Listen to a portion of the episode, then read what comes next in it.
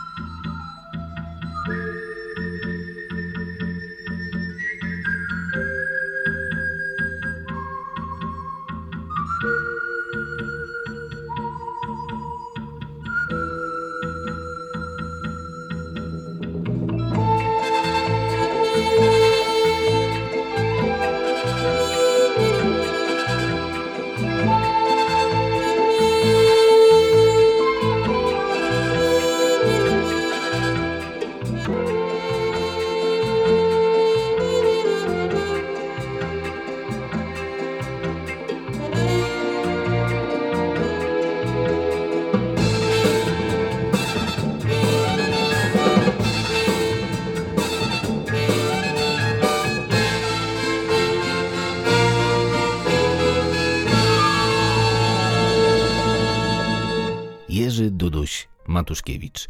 To przede wszystkim muzyk, wybitny saksofonista, jazzman, melodysta. I to właśnie jego miłość do klasycznego jazzu i melodii sprawiły, że choć pewnie tego nie wiecie, ale połowę utworów, które sobie nucicie pod nosem lub znacie z dzieciństwa, właśnie skomponował sam Matuszkiewicz. 200 tematów do filmów. No jak dla mnie to jest po prostu księga Guinnessa. Ale po kolei. Duduś zaczynał jako jazzman w czasach, gdy granie jazzu było zabronione. Tak, były w Polsce takie czasy, że państwo, a nawet liberalna prasa uważały, że jazz to zło. Na szczęście kilku rebeliantów, wbrew ogólnym zakazom, grało go po piwnicach w latach 50., no i to właśnie dzięki nim polski jazz to teraz równie znana marka jak polskie kino. Ale wróćmy do filmu, a połączenie jest bliżej niż się wam pewnie zdaje. Bo Matuszkiewicz to przecież wykształcony w łódzkiej filmówce operator filmowy. Ale na szczęście dla nas, granie w nocnych klubach w Łodzi zwyciężyło nad kompozycją kadru. I Duduś najpierw swoim przyjacielom ze szkoły, a potem już szerzej, reżyserom i producentom zaczął komponować muzykę do filmów i stał się jednym z największych polskich kompozytorów. No i ta właśnie, ta intensywność pracy przełożyła się na to, że w latach 80. Duduś był już tak zapracowanym człowiekiem, że musiał wybrać muzyka czy film. No i na szczęście dla nas wybrał kino i telewizję. Zaklęte rewiry, poszukiwany, poszukiwana, jak rozpętałem drugą wojnę światową, przygody psa cywila, stawka większa niż życie, 40-latek, alternatywy 4. To tylko czubek góry tematów, jakie Matuszkiewicz skomponował. Jestem pewien, że znacie je wszystkie. Teraz wiecie też, że jest ich więcej. Poszukajcie reszty. Naprawdę warto. A muzyka z Janosika? No to przecież istne cudo, które nie bez powodu przetrwało prawie 50 lat i ciągle nie straciło na swojej świeżości i atrakcyjności. Te instrumenty dęte jak nic oddają ducha polskich gór. Jednocześnie brzmią rozrywkowo i tradycyjnie. Idealnie ilustrują świat opowieści, a mimo wszystko pracują ciągle, po tych 50 latach przypomnę, samodzielnie. Bo to właśnie wiedza, doświadczenie i te jazzowe podkłady robią tutaj wszystko. Bo jazz można lubić albo nie. To jak zawsze sprawa gustu. Ale to właśnie jazzowa aranżacja tych tematów na puzony, kontrabas i trąbki no zrobiło te utwory, które do dziś od razu wywołują we mnie, mam nadzieję również, że w was, obraz Tatr i tego naszego zadziornego harnasia. A to, żeby po kilku nutach przenieść się w zupełnie inne miejsce, to nie taka łatwa sprawa. To przecież wielka sztuka. Zresztą, jeśli nie prowadzicie samochodu, zamknijcie oczy i spróbujcie się razem ze mną przenieść w zupełnie inne miejsce. Zaufajcie mi, to wcale nie będzie takie trudne.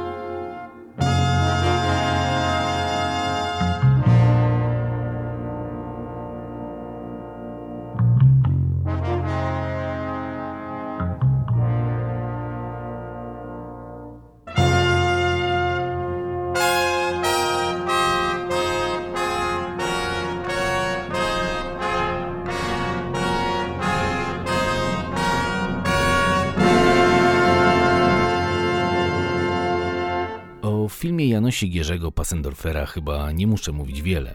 W końcu jestem prawie pewien, że wszyscy go widzieliście.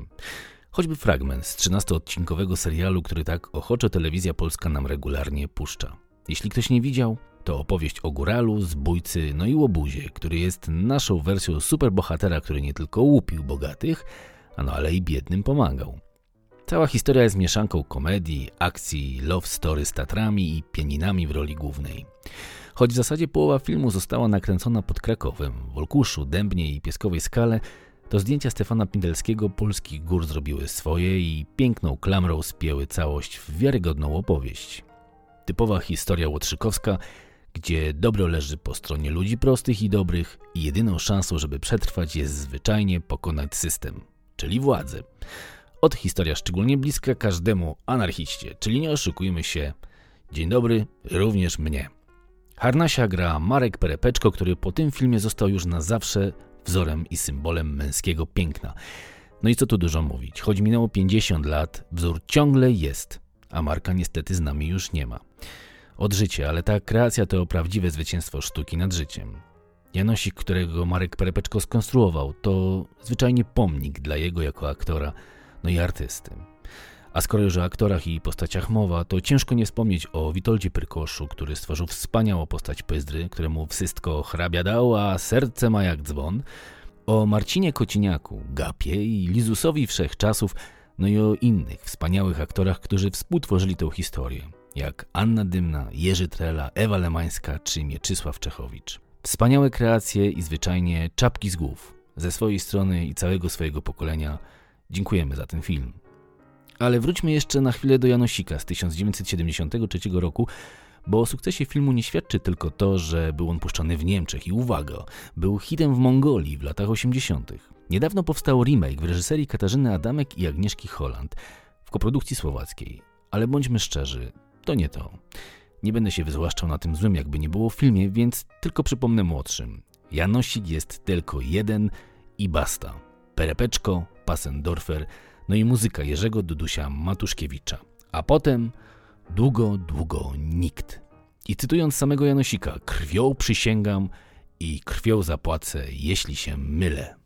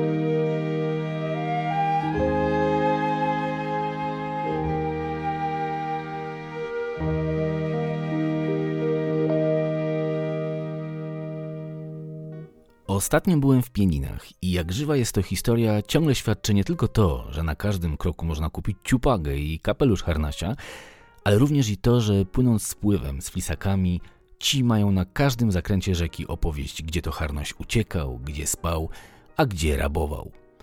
I to jest właśnie w tym wszystkim najbardziej fascynujące, bo jak zawsze pojawia się refleksja, że cudze chwalimy, a swego nie znamy. Wspaniała historia Janosika, choć naciągana i wypełniona baśniami, przypowieściami i humorem, to tylko jedna z wielu takich, które leżą w naszej rodzinnej popkulturze.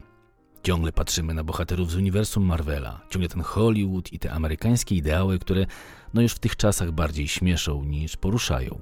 A nasza tradycja literacka, ja się pytam, gdzie te baśnie, stwory, legendy, bogata historia pełna królów, bitew i bohaterów? Czemu w Polsce nie powstają takie filmy jak właśnie Janosik?